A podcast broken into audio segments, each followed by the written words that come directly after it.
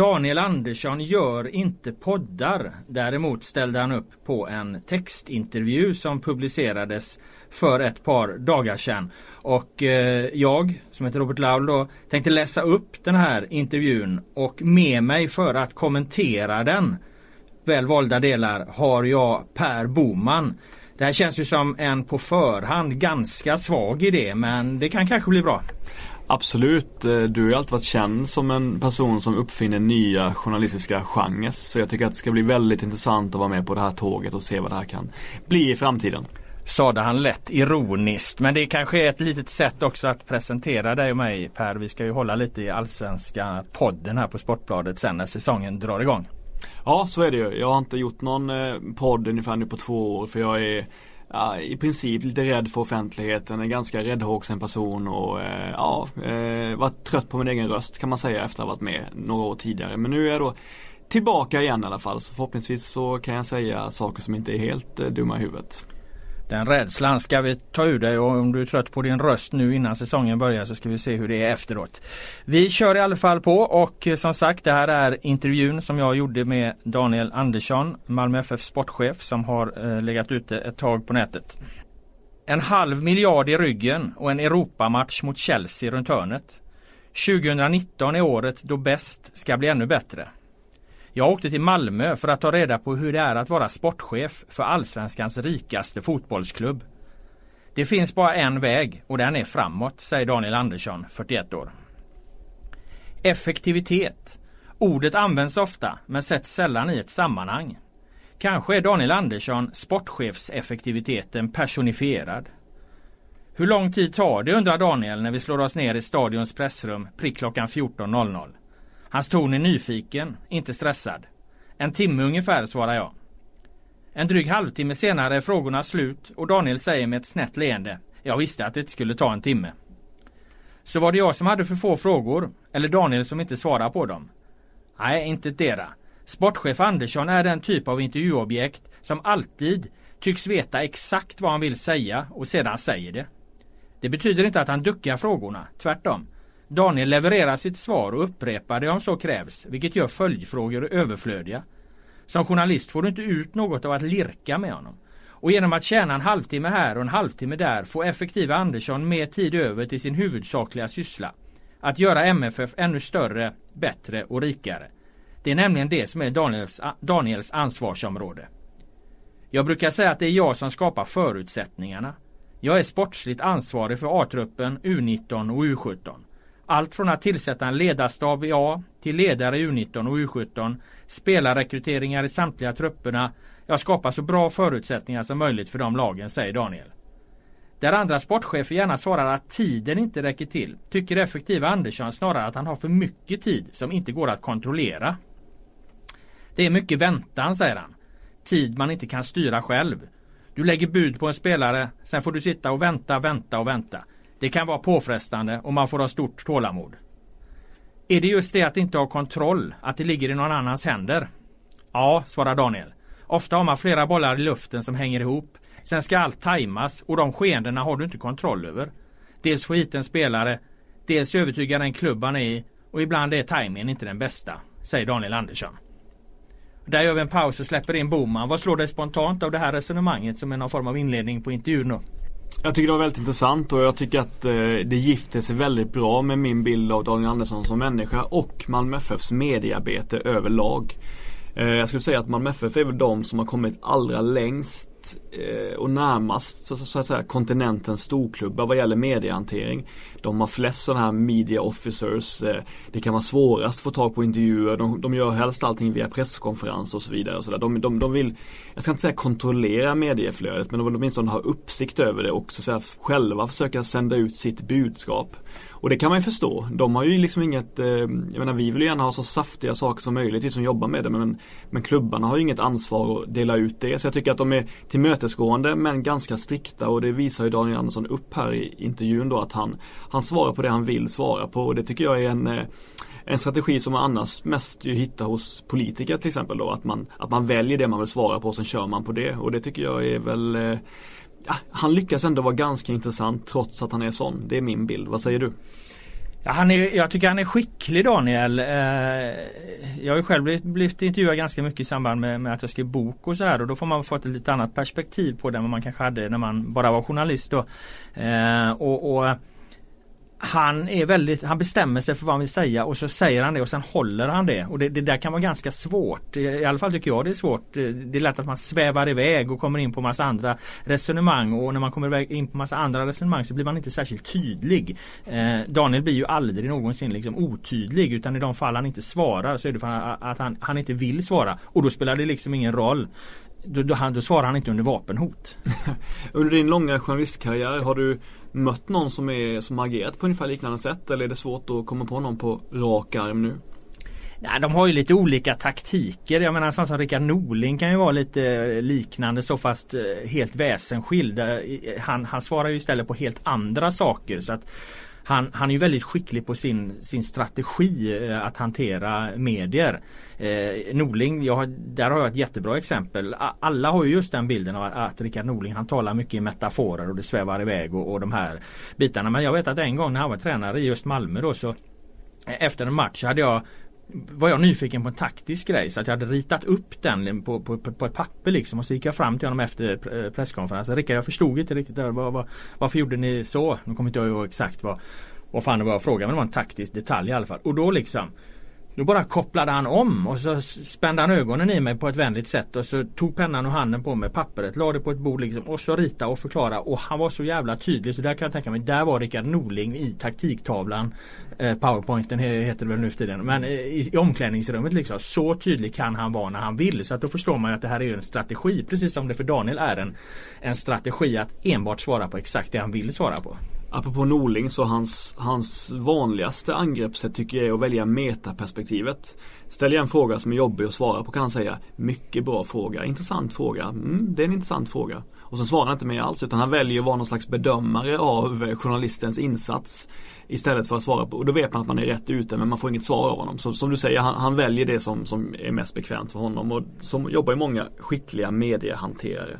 Så är det. Och det var intressant att du tog upp då att eh, eh Malmö liksom osade professionalitet på det här sättet och påminner liksom i, i, i om en internationell st storklubb i sin mediehantering. För att jag ska gå vidare och läsa ur intervjun här och då kommer jag just in på det, professionaliteten.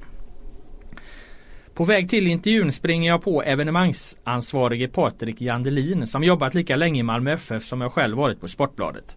Det vill säga sedan millennieskiftet. 2001 när MFF precis gått upp i Allsvenskan var det sex personer på kansliet jämfört med dagens 60-70 heltidsanställda berättar Jandelin. Plus den legendariske sportchefen Hasse Borg och den möjligen ännu mer legendariske ordföranden Bengt Buffalo Madsen då. På den tiden tog Borg och Madsen besluten. Sen informerade styrelsen, säger Jandelin halvt på skämt, halvt på allvar. 18 år senare är Malmö FF Sveriges mest professionella fotbollsklubb vilket inte minst märks just organisatoriskt runt A-laget. Huvudtränaren Ove Rössler har två assisterande. Andreas Georgsson och Rob Kelly. Plus att en renodlad videoanalytiker ska in efter att Jens Fjällström slutat. Lägg där till Per Ågren som ungdomssportchef och så Daniel Andersson som sportsligt överhuvud. Också han med högsta tränarutbildningen i bagaget. Snudd på allt runt Malmö andas idag ren professionalitet. Jag tror inte ens att Malmösonen Zlatan Ibrahimovic blir besviken när han hälsar på. Att förändra och förstärka teamet runt laget är ett led i att inte slå sig till ro. Att bäst ska bli ännu bättre, förklarar Daniel. Själv fortsatt slank och solbränd trots att spelarkarriären ligger snart tio år tillbaka och det snöar i Malmö denna januari-måndag. Det gäller att aldrig bli nöjd. Dels med spelartruppen förstås. Driva varje träning framåt, utvecklas för att bli så bra som möjligt, aldrig stanna upp. Men det handlar också om staben runt omkring. Att vi inte är rädda för att vara nyfikna. Varför slutade Jens Fjällström? Ja, han nämnde själv tre orsaker. Han ville styra sin egen tid mer, jobbets innebörd med att producera matchanalys och till sist att hans personlighet inte kom riktigt till sin rätt när han satt mycket med analyserna. Det var hans beslut och det var väldigt tråkigt för oss. Därmed är Daniel Anderssons mest akuta uppgift att hitta en mer renodlad matchanalytiker. Ja, vi ska hitta en bra person som är duktig på analys, säger han. Jens var assisterande tränare med analytiskt ansvar men under de här sex månaderna med Ove blev han mer och mer analytiker, satt inne i gruvan och jobbade. Och det är just den analyspersonen vi nu söker, säger Daniel Andersson. Och där gör vi en liten paus igen då Per Boman. Är det något som slår dig? Ja, alltså nu har ju då både Olof Persson och Jens Fjällström eh, slutat, eh, eller, ja, slutat från, eh, från den här ledarstaben. Han, de var ju väldigt tajta med Daniel Andersson och det kändes som att de skulle vara en viktig del av Malmös framtid framöver. Och då har man ju förstås funderat på, finns det några sprickor mellan Olof Persson och Rösle? Kan det vara så att Fjällström inte riktigt känner sig hemma med Rösles ledarstil och så vidare. Men eh, ju mer man lyssnar på folk runt omkring. Jag hörde bland annat Don Anders Andersson ju, eh, som har en podd tillsammans med de andra fotbollsexperterna på Simor. Han sa att han hade hört att det fanns inga schismer överhuvudtaget. Och det kanske man får lita på då. Så det kan helt enkelt vara så att Jens Fjällström eh, har ett eh, så att säga, ego som gör att han inte vill vara i bakgrunden alldeles för länge. Han nämnde själv att hans personlighet inte passade sig för det och det är väl en slags omskrivning för det då antar jag.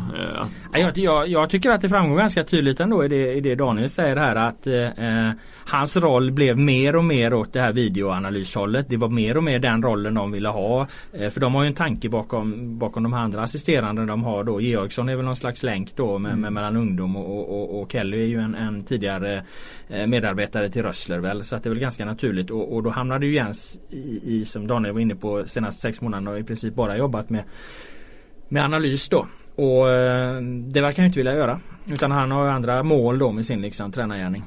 Ja, det, det är synd för jag tror att den här videoanalysrollen, det är inget nytt, det har klubbarna på med ganska länge. Men mm. ju mer man pratar med allsvenska tränare och sportchefer så lyfter de fram den som den kanske allra viktigaste rollen i ledarteamet utöver huvudtränaren då. Mm. Så att det är ju en viktig roll han har ändå. Men däremot så får han inte ut så mycket av sin personlighet då i, i den rollen. Men, men eh, jag tycker att eh, ska man satsa på att bli fotbollstränare eller jobba med ett fotbollslag eh, numera så ska man ju bli videoanalytiker för det, det, det verkar de skrika efter överhuvudtaget.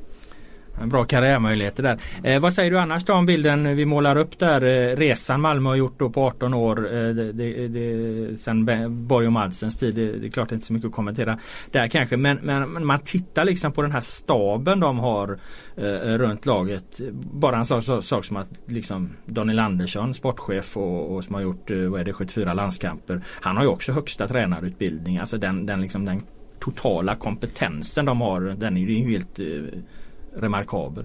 Den är enorm och, men det finns väl ett skäl till att just Daniel valde att gå tränarutbildningen också. Det var väl faktumet att nästan alla trodde att han skulle vilja ta över som någon slags manager istället då. Eh, så det är väl förklaringen till det snarare än att han ville vara en, en en sportchef som också kunde vara eller som hade liksom förståelse för tränarrollen men inte ville bli tränare. Ja, nej men att de satsar pengarna på eh, infrastrukturen och ledarstaben snarare än att köpa de dyraste spelarna är ju helt rimligt såklart om man vill bygga ett långsiktigt projekt. Det tror jag alla förstår. Ska fortsätta med intervjun. Malmö FF står inför ett unikt och ovant fotbollsår. Europa League 16-delsfinalen mot Chelsea ligger bara några veckor bort. Därmed rivstartar säsongen med en tävlingsmatch av grov kaliber redan i mitten av februari. Vi hade hellre fått en på pappret lättare motståndare för att ta oss vidare, men nu tar vi denna utmaning. Vi tror att vi kan skaka Chelsea, säger Daniel och fortsätter. För oss gäller det att göra en topprestation här på stadion och få med oss ett resultat i London och hålla det där. Det är planen. Underskatta Chelsea, tror du? Det tror jag nog. De är gigantiska favoriter. Sen är frågan om de underskattar oss tillräckligt mycket. Vad bygger du det på? De är inne i ett väldigt tufft matchande i Premier League och har fullt fokus där. Jag tror inte att de vet hur bra vi är. De kommer att bli överraskade. Daniel Andersson tar ett konkret exempel på när Malmö blivit underskattade tidigare i Europaspelet. Ja, det var kul med Salzburg. Inte den största klubben vi mött, men de var säkra på att slå ut oss. De var glada vid lottningen att de skulle möta Malmö. Vi fick dem två gånger i rad och de var lika säkra andra gången. Vi lyckas ta dem bägge gångerna. Då är det gott att tvåla dit dem. Är det vardag för Malmö FF att möta storklubbar nu för tiden?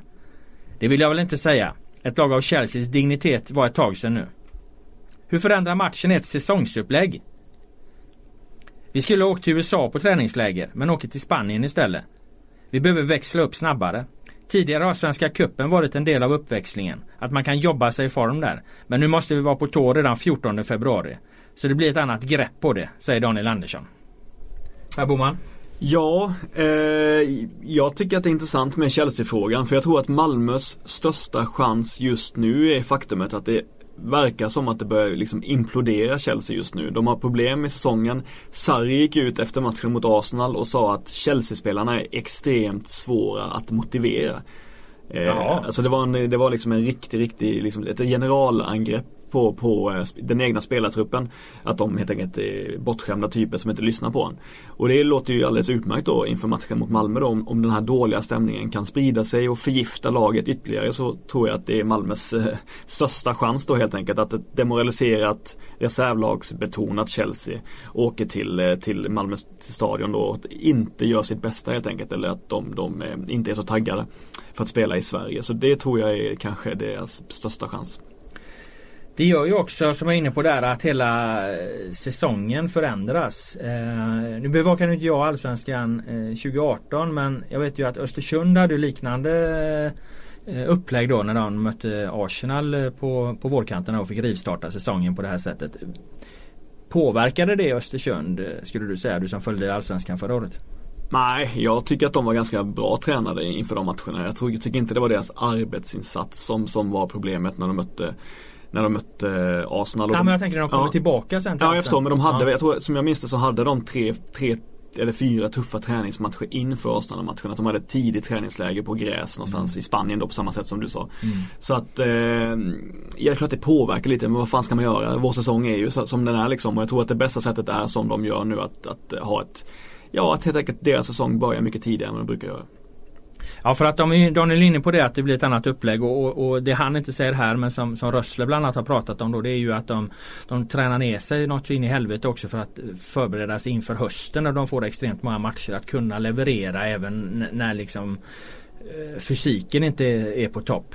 Eh, så att de tar ju det här på allvar. Samtidigt är det ju något nytt för dem och de, de, eftersom de inte har gjort det förut på det här sättet så, så vet de ju inte exakt vad de ska göra utan de får ju liksom prova sig fram ändå. Mm. Ja, det är klart att det kan ju innebära, eftersom man inte är ute tidigare så kan det här innebära såklart problem för kropparna. Spelarna går sönder tidigare eller får förslitningsskador som man inte är beredd på någon gång i april, maj månad. Så att eh, nej, det ställer ju höga krav på fysteamet runt omkring Malmö FF. Men som vi vet har ju de den största ledarstaben i landet så om någon klubb ska kunna klara av det så är det väl dem. Vi fortsätter med intervjun. Oavsett hur det går i mitten av februari mot Chelsea väntar sedan den inhemska säsongen. För en klubb med Malmö FFs muskler går det förstås inte att ha en annan målsättning än att vinna allt de ställer upp i. Med en halv miljard på banken är frågan om Malmö skulle kunna döda den allsvenska topp, toppstriden ett par år framöver om de bara ville. Alltså genom att Andersson värvar ihop ett sånt superlag att MFF garanterat vinner guld och inte låter AIK eller Norrköping smitta emellan då och då. Men nej, det håller Daniel Andersson inte med om och han förklarar varför. Jag tror inte att man kan beställa ett sånt lag.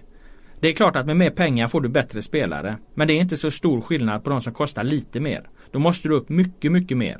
Den marknad som är tillgänglig för oss, nej, du kan inte garantera ett SM-guld med de spelarna. Daniel Andersson gör en jämförelse med Besiktas vars årliga värvningsbudget är större än MFFs eget kapital på en halv miljard.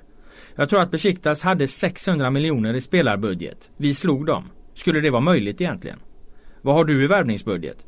Det kommer jag inte avslöja, men jag har inga 600 miljoner. Så det går åt båda håll.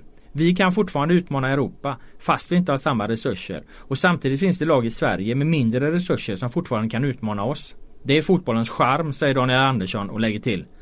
De allra största drakarna i Europa är en nivå till uppåt. De är för svåra för oss att utmana i längden. I enskilda matcher, absolut. Men över en hel serie hade det aldrig gått. Per Boman? Givetvis skulle Malmö om de ville kunna döda serien i tre år framöver om de värvade eh, spelare från helt annan hylla. Men då skulle också redan kapitalet sina väldigt, väldigt snabbt. Så jag tycker att Daniel Andersson gör helt rätt och han har ett väldigt bra resonemang. Plus att de satsar ju faktiskt hårdare än de andra. AIK måste liksom eh, spara in, måste få in Alexander Isak pengar för att kunna lägga 10-15 miljoner på Kristoffer Olsson. Malmö gör lite oftare den typen av värvningar med Carlos Strandberg, eh, Kingsley Sarf och, och, andra typer för de, de, de kan oftare göra sådana värvningar, 10 miljoners värvningar och ge sig någon på 5-10 miljoner. Det klarar Malmö FF av och det är det som gör att de hela tiden har en bättre trupp än alla andra. De behöver inte gå längre än så för att så att säga garantera att de är topp 3 eller topp 2 varje år. Men vad han menar där är ju snarare att den här nivåskillnaden mellan den marknad de nu kan agera på och att då gå upp ytterligare ett steg, ytterligare en hylla eller mm. box som tränarna och sportcheferna gillar att prata om. De pratar om boxar nu, de handlar i olika och andra boxar. Eh, att gå upp ytterligare en box då eh, skulle är så fruktansvärt mycket dyrare alltså. Men du köper inte det riktigt eller? Eh, alltså, nej jag köper det men jag tror att de skulle kunna göra det i ett eller två eller tre år men ja. sen skulle de inte kunna göra det mer helt enkelt. Så därför att, är det smart att inte göra det. För att han, han jämför med Besiktas här då. De har ju alltså 600 miljoner i, i spelarbudget enligt eh, Daniel här och, och, det är ju mer än hela deras egna kapital som, som ju i Sverige är en fantasisumma på en halv miljard liksom. Men då har de ju en spelarbudget för vad jag förstår ett år här på 600 eh, miljoner. Ett lag som Besiktas. Så man förstår ju vilka enorma summor det handlar om när man ska uppåt i de här hierarkierna. Och helt andra skatteregler såklart i den typen av länder. Så att jag menar det är väl eh, Nej men vadå det är väl helt rimligt att, att, att de överhuvudtaget inte har eh, satt framtiden på pant. Alltså de kommer ändå vara Sveriges dominanter i, fan vet jag, 30 år framöver utan att behöva riskera någonting. Då är det väl rimligt att, att, köpa, att, liksom, att få större kontroll över sin egna arena. Att utöka ledarstaben, att få fler och fler anställda. Det är det absolut bästa sättet och Daniel har ju helt rätt i sitt resonemang. Vi går vidare med intervjun. Att Malmö FF skaffat sig ett ordentligt försprång både sportsligt och ekonomiskt i svensk fotboll råder ingen tvekan om. Jag frågar Daniel om han håller Malmö FF som Sveriges mest framgångsrika fotbollsförening genom tiderna. Ja det tycker jag. Det är svårt att jämföra gammalt och nytt. Vissa föreningar har en jäkla massa SM-guld innan krigen. Men det viktiga är vad vi är här och nu. De senaste åren har vi varit starkast. Sen gäller det att aldrig slå sig till ro. De andra kämpar ju för att komma ikapp. Kan du fortfarande känna samma konkurrens och rivalitet med exempelvis IFK Göteborg som gjort en resa åt andra hållet? För mig som har vuxit upp med Malmö FF är Göteborg den största rivalen historiskt. Och det är de fortfarande. Men de är inte den största konkurrenten om det allsvenska guldet just nu. Vilka är det 2019 skulle du säga? AIK är regerande mästare. De kommer vara med. IFK Norrköping har en ung och bra trupp som kommer ta kliv. Hammarby och Djurgården är med och bubblar. Det är de fyra lagen. Jag intervjuade Häckens sportchef Sonny Karlsson tidigare. Han menade att domarna inte pallar trycket här på stadion och att om Häcken ska vinna måste de vara ytterligare 5-7 poäng bättre sett till det storklubbarna får gratis på grund av trycket från hemmapubliken på stadion exempelvis. Håller du med? Om jag tittar tillbaka kan inte jag säga att vi har fått någon fördel. I fjol var det okej okay. året innan skulle vi haft en straff som vi inte fick. Så det köper jag faktiskt inte. I alla fall inte när det gäller oss. Det får stå för Sonny, säger Daniel Andersson. Per Boman. Eh, generellt sett så tycker jag absolut att man kan säga att storklubbarna gynnas på sina hemmaarenor. Jag kan inte säga ifall det är specifikt så mellan just Malmö och Häcken. Malmö har ju haft problem tidigare för, för Häcken, inte lika mycket, inte stora problem nu med som de hade tidigare. Men ja, Sonny har ju rätt att de största klubbarna får fler domslut med sig. Men det handlar lika mycket om att de har större bollinnehav. Mm. Eh, som att publiken sätter press på domarna. Men det tror jag att ingen skulle säga emot det faktumet, eller? Just bollinnehavet eh, hävdar Sonny att det, det stämmer inte för han menar på att på, på de här åren då Häcken ju liksom gick i bräschen eh, för, för sin fina passningsfotboll så hade de fortfarande högre eh, bollinnehav men de hade ändå domarna emot sig. Så, att, så att, han menar på att det är publiken då som att, att de inte pallar trycket helt enkelt. Och det finns väl forskning på det. Mm. Den är väl förvisso gjord på internationella serier, större serier, så Premier League liksom att de stora, stora lagen gynnas på, på sina hemmaplaner och så här. Eh, men när diskussionen hamnar i Sverige då bryter man ofta, då bryter man ner den som Daniel gör här. Han bryter ner frågan effektivt liksom och tar två enskilda exempel liksom. Det är ju inte det där handlar om. Anekdotisk bevisföring. Ja exakt, exakt. Bra Boman. Eh, och eh, ja då kommer han ju lite undan där. För jag tror också att Sonny helt Varför skulle det förhålla sig på ett annat sätt i Sverige? Nej jag håller med. Sonny, det var för övrigt en väldigt bra intervju som du gjorde med henne. Det kan jag rekommendera alla som, som kanske inte tror att det är så kul att läsa om Häcken. Så var det kanske den i, i min värld den bästa av de här sportchefsintervjuerna än så länge. Eh, tack så mycket. Eh, sen pratar vi andra grejer där som kanske rör upp känslorna på andra ställen då. Att Malmö FF är det mest framgångsrika eh, laget i, i Allsvenskans historia frågade jag honom och det tycker han ju då. Och då har, kommer göteborgarna säga att de har två eh, uefa Cup-titlar där och att Malmö inte har några titlar i, i Europa längre. Men hur, hur, länge kan man hålla fast vid det tycker du? Vilka, eh, har Daniel rätt? Är Malmö FF idag den, den mest framgångsrika eh, svenska fotbollsföreningen genom tiderna? Ja, det är de. Jag tycker vi ska utgå från antal allsvenska serier och från eh, ja, de är det historiskt sett om man ser antal allsvenska segrar. Det tycker jag man ska utgå från i första hand. Och de är det också i nutid sett till att deras enorma kapital och deras fantastiska idrottsframgångar de haft sista eh, tio åren. Så ja, Malmö FF utan tvekan den största föreningen i Sverige. Så titlar väger inte tyngre? Jo, det gör ju det. De har ju också vunnit flest eh, allsvenska titlar. Ja, Europatitlar väger inte tyngre än de eh, allsvenska titlarna. Nej, det tycker jag inte. Vi går vidare med intervjun. This Mother's Day, celebrate the extraordinary women in your life with a heartfelt gift from Blue Nile. Whether it's for your mom, a mother figure, or yourself as a mom, find that perfect piece to express your love and appreciation. Explore Blue Nile's exquisite pearls and mesmerizing gemstones that she's sure to love. Enjoy fast shipping options like guaranteed free shipping and returns. Make this Mother's Day unforgettable with a piece from Blue Nile. Right now, get up to 50% off at BlueNile.com. That's BlueNile.com. Ser du AIK som er farligaste utmanare till guldet i år? Ja, säger Daniel Andersson. Jag håller AIK lite före de andra. Nu inför säsongen i alla fall. Så vad tyckte du om Sebastian Larssons firande framför din bänk på Friends? Det var inte okej. Okay. För att, ja, jag tycker inte det är okej. Okay. Det var inte okej okay agerat. Men det var mycket i deras agerande som inte var okej. Men disciplinen har tittat på det, vi har släppt det och gått vidare, säger Daniel Andersson. Ja, där kan vi bryta direkt för att när Daniel Andersson som är så pass försiktig i sina, i sina ordlagen då. Man kan ju säga att det här betyder egentligen Vi tycker att de var dumma i huvudet. Vi stör oss på det som fan. Vi är extremt irriterade på att de gjorde så här. Men vi har släppt det nu. Eller vi har inte släppt det nu egentligen. Förmodligen är väl AIK det laget som de vill hämnas allra mest på efter den incidenten. För jag tycker att det är väldigt tydligt här att, att Daniel Andersson är extremt besviken och irriterad. Eller vad säger du? Ja, eh, och vad jag förstår så han pratade om disciplinnämnden där och de eh, stängde väl av eh, den konsekvensen, den juri, fotbollsjuridiska konsekvensen blev väl att Rössler blev avstängd i, i det här va? Det var väl det som hände?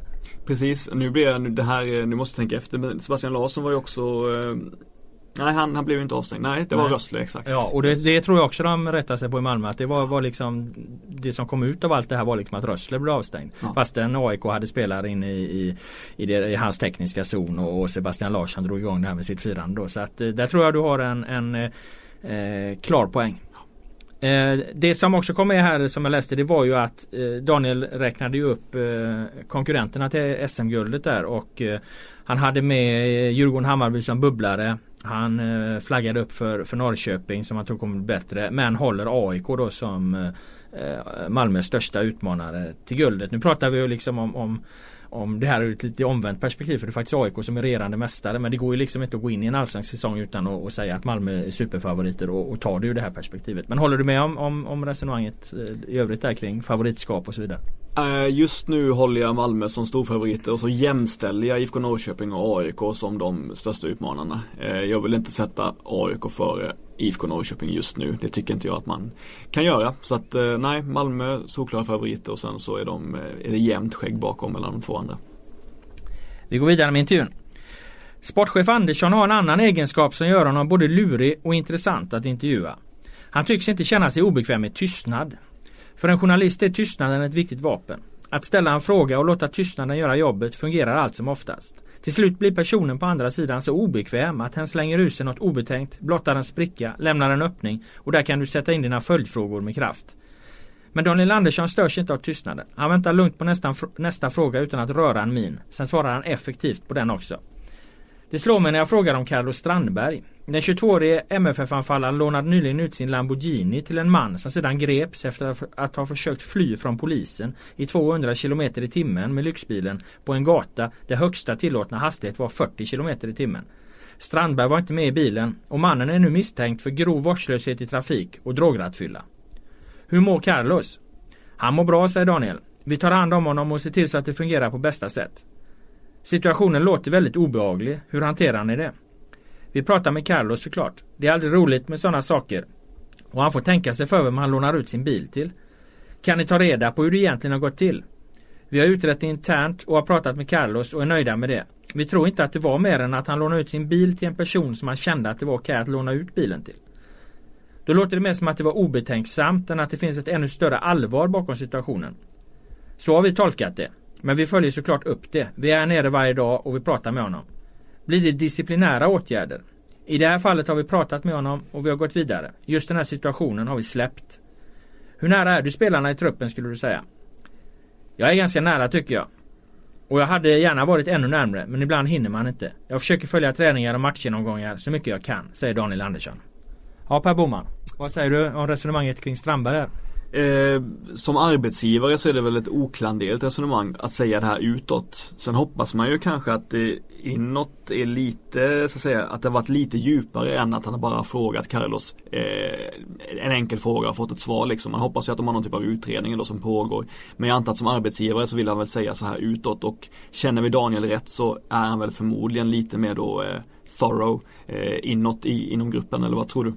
Ja, jag tolkar det precis så att eh, ju luddigare eller ju mindre de säger om det utåt ju mer allvar har de egentligen lagt på det internt. Det är i alla fall så eh, som du säger man måste hantera det ur, ur ett ar, ar, arbetsgivarperspektiv. Den, den, här är ju ganska svår den här situationen. Den kan ju vara så väldigt väldigt mycket.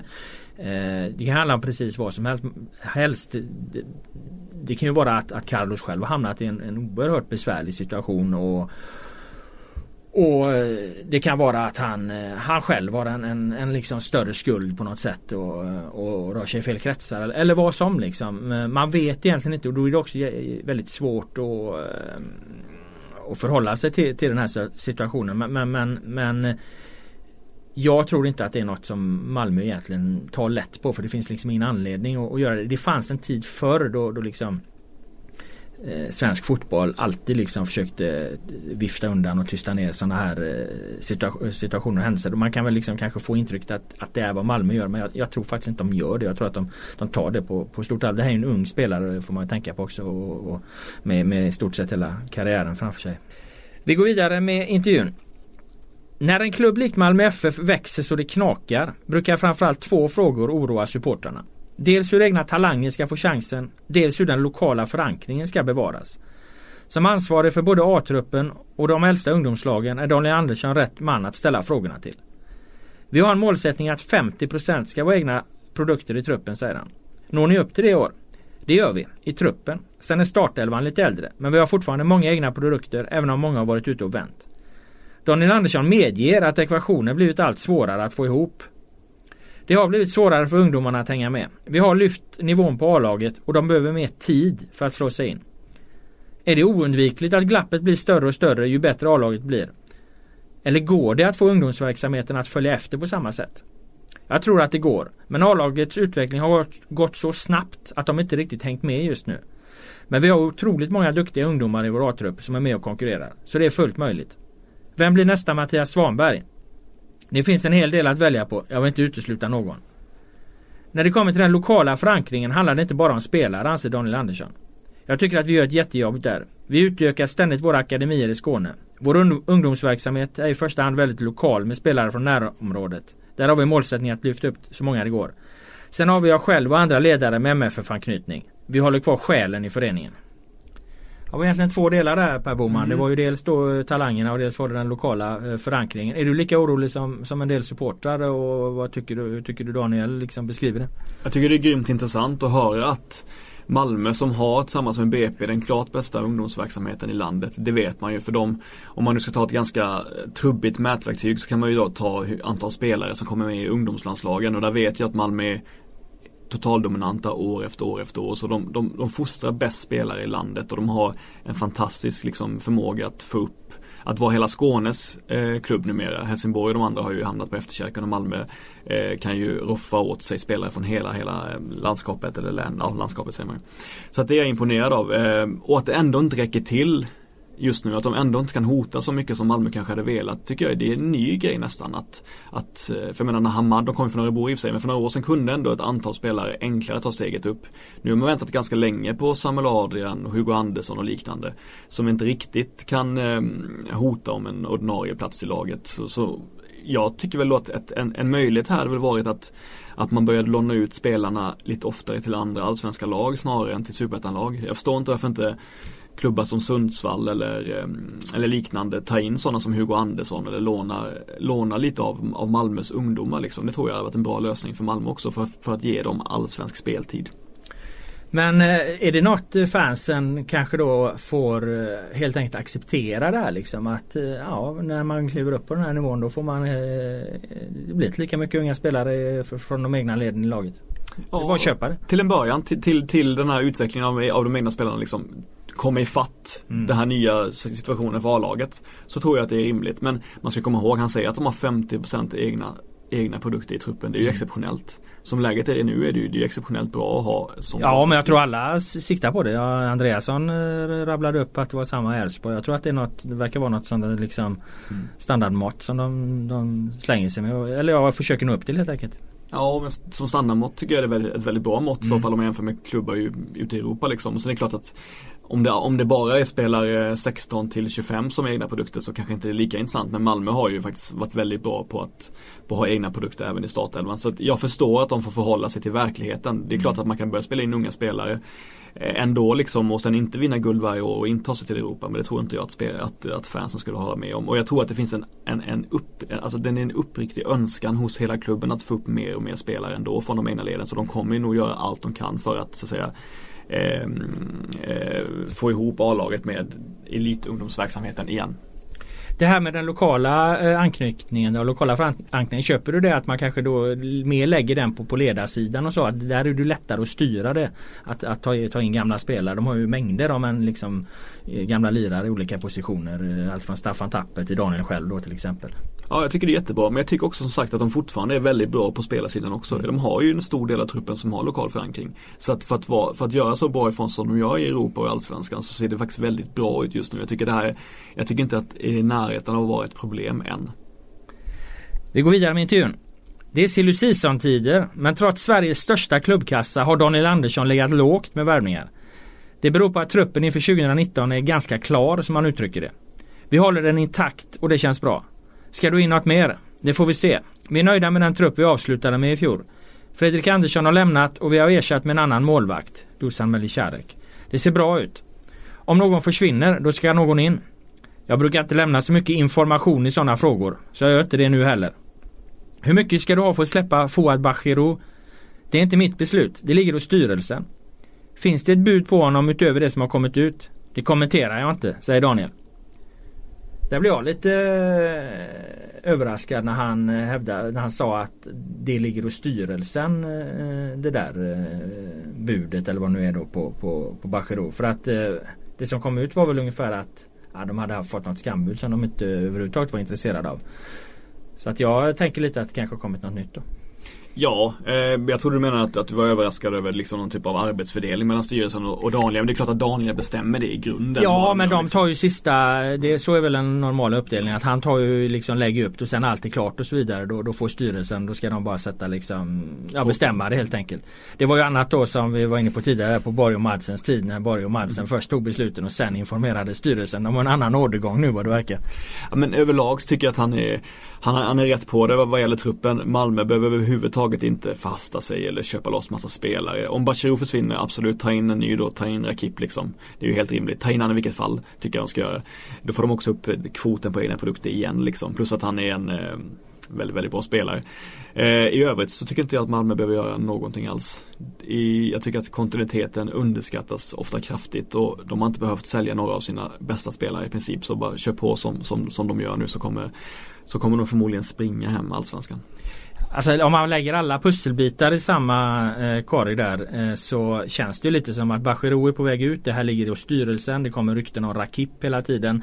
Eh, kan vara agenten kanske eller något som triggar upp att han ska till AIK helt plötsligt. Jag vet inte, jag eh, blir lite förvånad. Eh, det låter ju som att de säljer Bachirou och tar in, in Rakip om man bara ska liksom skjuta från höften. Ja men som sagt behåll gärna båda. Det tror jag är rimligt eh, för den här ganska tuffa säsongen som de ska ha. Så att, plus att de är inte samma spelare alls eller Rakip i min värld är offensiv innermittfältare eller centrerande ytter. Inte ett ankare på mittfältet. Så att, eh, ja. Nej men eh, om, om, eh, om beslutet ligger hos styrelsen så har ju Daniel då eh, någonstans tagit de sportsliga bedömningarna att kunna sälja honom. För att styrelsen tar ju vad jag kan om sånt här bara De tar ju bara ställning till ekonomin. Ja det stämmer säkert men men men Ja, eller du får förklara hur du menar nu. Vad, vad, vad gör det för skillnad? Nej jag tror att det kanske är närmare att han försvinner då apropå att du tyckte ja. att han skulle vara kvar då och att Daniel har väl tagit någon slags sportsligt beslut att, att vi, vi kan avvara honom och nu ska styrelsen ta ställning till pengarna. Ja men varför ska de vara schyssta mot Bachirou? Är det för att han vill lämna ska de lämna? Nej, ja, får de ett bud på, alltså, i min värld så är han, alltså, har han den kanske allra högsta högsta nivån av samt, samtliga spelare i, i Allsvenskan och den, och den högsta lägsta nivån nästan. Alltså jag tycker att han är var ett annat sätt att säga att han var ojämn eller?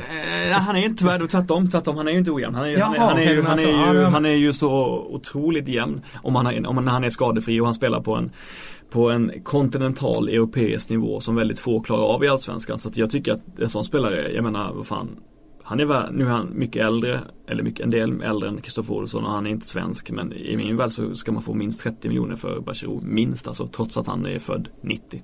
Men om Daniel Andersson säljer han då, det är bak, det, då gör han fel helt enkelt säger Boman.